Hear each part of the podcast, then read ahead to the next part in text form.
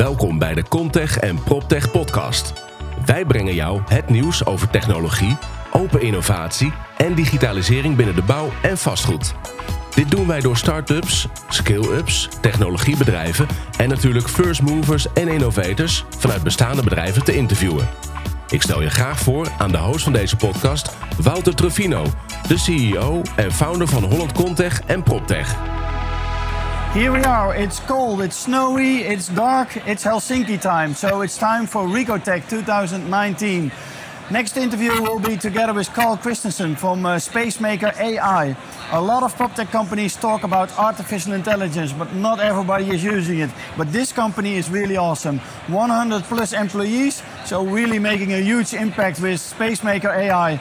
I talked to Carl Christensen, CTO of Spacemaker, and really looking forward to, uh, to speak to him. Are you going to watch with me?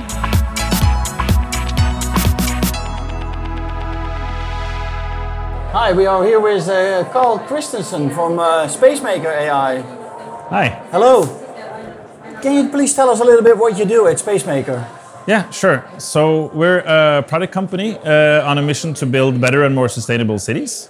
Um, and uh, we uh, were founded in Norway about three years ago, and we're now about 100 people. Wow. Um, mostly mathematicians, data scientists, um, software developers, but also architects and urban planners and, and property developers working together to create this product. All people from the Nordics.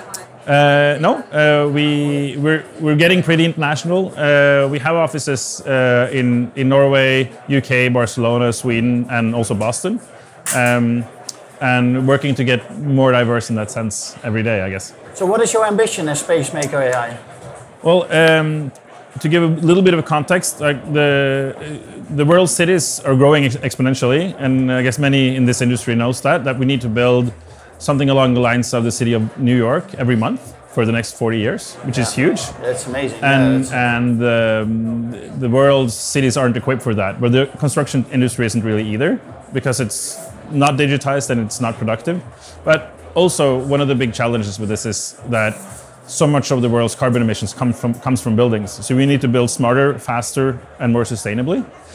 And we think that we need to do things very differently to be able to do that. So we built a platform for design and planning, um, real estate developments in cities that uh, uses computational design and AI and cloud computing power to allow uh, real estate developers, architects, and other stakeholders like um, uh, city planners to design together and generate and explore and test designs um, using uh, strong near real-time analytics of every effect that um, those proposals have both on sustainability and profitability. And then lets them iteratively work together and optimize the designs for those trade-offs to create better um, designs much faster and we think that that's uh, a really important factor in actually handling this urban growth with us in a sustainable way Yeah. and our ambition is to make this the uh, de facto pla- platform for planning real estate developments in, in the Nordics and in Europe and in the world. And we're already seeing very significant uh, traction for that in the Nordics and seeing developers actually changing their whole uh, way of working to adapt to this way of this tool. Well, what, what kind of technologies do you use? Because it's uh, Spacemaker AI, so it's artificial intelligence probably Yeah. what you use. But what different kind of technologies else do you Yeah. use? I can imagine like uh, generative design is being yeah. used. Yeah. So it's um, it, it's it's a real mix-up of different things because it's a really ambitious. The, the, the kind of core idea is to bring everything together in one platform. So we do use, use a lot of machine learning, but we do use other algorithms and other modeling ways of modeling the world as well. Um, and the, we generally kind of say that it's an AI like a self-driving car is an AI. It's a lot of different things coming together to create a result. So we, we do use uh, generative design, we use uh, um, optimization, um, we, we use simulation models of the world, and we use machine learning models uh, for many things, like um, surrogate models for understanding the physical environment, for example, and how, um, how you would change a design to make it better for many factors at once. Nice. So what are your competitors? Do you have competitors? Well, um, there's there's many ways of looking at that, but but we uh, we don't think that anyone else is really talking about um, combining and, and, changing the whole planning phase and design phase into one value chain and one process and bring that into one platform. Um, so from our perspective, our biggest competitors are, is, is really the, the process that we have today, which is pretty manual. There are di- digital elements and digital tools doing single things. It's all segmented. But it all seg- it's all segmented. Yeah. So so our biggest competitor is uh, is the existing process basically. Can you tell us a little bit about your customers and partners that you work together with? Yeah. So um, we work with with the real estate developers from the very beginning. Uh, so the, the, first thing we did was was uh, go to real estate developers with a PowerPoint and, and asking them if they would understand this kind of tool. Um, and we work with a lot of large uh, property developers in the Nordics now, and, and, and a lot of them are, are changing their changing their processes, um, uh, integrating SpaceMaker. And then uh, we've started working with uh, more of uh, the developers also in, in Western Europe. And we'll be expanding in that area as fast as we can and then move to the rest of the world. Nice. And you made like an. Uh, we are here at Recotech in Finland. Yeah. Uh, but I think you made like a huge announcement this this morning. Can you tell us a little bit what you are going to do? Yeah. So um, it's uh, it's a great testament to to the kind of uh, partnerships that we want to do with with the real estate developers. That uh, one of the largest developers in the Nordics and, and one of the first to work with us, uh, a company called OBOS. Um, they have almost 6,000 uh, housing units under development right now, which is which is large in the Nordics, and um, they're uh, making SpaceMaker their standard platform for all real estate projects and changing their processes really fundamentally and using that as a digital transformational tool. Um, and it's for us, it's a multi-million dollar deal, and it's also uh, a great testament to uh, the effect that this way of working can have, and that um, has used this many times over the last year sees the value uh, being so so huge that they actually will invest in their own digital change transformation in the company so to congrats adapt to on that. Yeah, thank you. Yeah, that's very nice. Yeah. So how do you see like the construction industry to really adapt or transform into uh, digitally? Mm. That, that's a good is question. Is it happening or is it? Uh, well, what is your um, point on that? I, uh, what we see is that uh, the construction industry is the least digitized industry in the world and also the least productive, which is disappointing.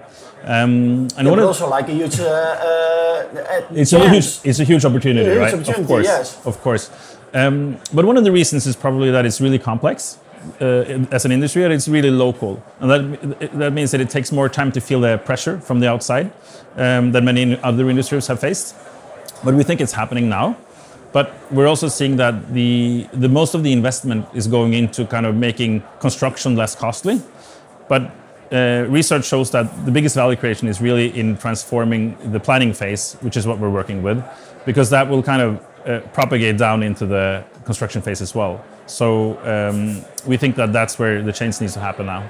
So we're talking about construction, about real estate, but where does it place like play, uh, SpaceMaker into this whole whole prop tech uh, debate? Well, that's interesting. Um, I guess putting labels on it is hard, and some people call, talk about tech and prop tech and uh, CRE tech, maybe even. Yes. Um, the most important thing for us is to uh, to focus on what will have the most kind of fundamental effect on the construction lifecycle, and that is uh, by far improving the design and feasibility planning phase. So uh, we're squarely in that space, and uh, we think that you could call that prop tech. But the most important thing is that it's a huge challenge to the industry, and it needs to be handled with a digital approach. Yeah. So what is needed for a successful transformation uh, for the construction industry? Yeah. So and what are the biggest challenges for them to adapt really like the artificial intelligence uh, I, stuff? I think um, the most important thing is the the uh, uh, daring to uh, really change. And so it's mindset about, it's, it's mindset. about people. It's a lot about mindset, and that's what we're seeing with like when you introduce uh, a product um, that is, especially when it's based on AI, that gives you a lot of new capabilities. You need to be uh, really motivated to adapt to that, to, to make use of that, to, so that it gives you superpowers uh, and not just becomes something that uh, another tool. And, and uh, we, we see that the, the, the sooner uh, a customer understands that they need to invest in that, the, the more results they will get. Yeah. So what do you see happening when you start working together with those companies that you all work with? Uh, what do you see happening at those employees that work, work together with SpaceMaker AI? I can imagine that they are beginning to smile because they love what they, they, they do. Yeah. They get a lot of time back. Yeah, and it's it's uh, it's, it's not just time. It's it's the it's the effect of kind of being able to collaborate with with, with much less friction because the uh, the platform takes out a lot of the hard uh, work and also guesswork from what, what people are doing. So when you have a transparency of the effects of a design, you can discuss kind of what design you want uh, with with much less effort. Um, so it makes the collaborative process much more efficient. And we're also seeing that uh, customers are even uh, taking um, municipalities into the platform and working together, working on master planning, for example, instead of having zoning and then reacting to that. They're actually working together because the municipality gets so much transparency and insight from that, Yeah. so that they can actually trust the results instead of uh, putting a restraint on the developer. So that's also we think that's really cool. So it seems like tech innovations uh, will not only just impact like the spatial and urban uh, planning, but also like the planning process itself. So all kind of disciplines like the real estate developer, the architects, uh, municipalities are being involved. Can you tell us a little bit about how they need to change to adapt this kind of innovations or technologies? Yeah, I think um, all of them needs to adapt to the, the opportunity to be able to collaborate because now it's it's so hard to kind of get a, a common ground and a common way of discussing um, the issues and the opportunities. So the process is very divided and fragmented. So with that opportunity, you also need to adapt uh, both in ways of working, but also maybe in uh, in business models and in service models. And for example, for municipalities to actually get involved uh, in a process rather than just just sitting on the outside and, and making demands. Yeah. And we're seeing that uh, we're even uh, surprised by uh, or uh, enthusiastic about the, the, the uh, reactions we're getting from municipalities and and also the other stakeholders that they, they're seeing so much value that, that when they actually get into it, they're, they're motivated to do it. So we, we think that this is um, the, the kind of planning process of the future. Nice. So final question for you is, will uh, AI be making the cities of the future? Well, it will not be making the cities of the future. It'll, it will help people make the cities of the future. Uh, we really see that to make AI successful, it needs to be on the shoulder of humans, giving them superpowers, and not kind of telling them what to do. That would be like a self-driving car driving where it wants to go. Yeah. Um, you want it to drive where you want it to go, right? So, so you need to put it in the hands of humans, and they need to make decisions about how our future cities will be like. Well, nice. I'm looking really forward to have like a lot of fun together with SpaceMaker AI because I think you're really changing the industry. So Yeah. uh, good luck in the near future. Yeah, thank you very much. Thank you. Yeah, thank you.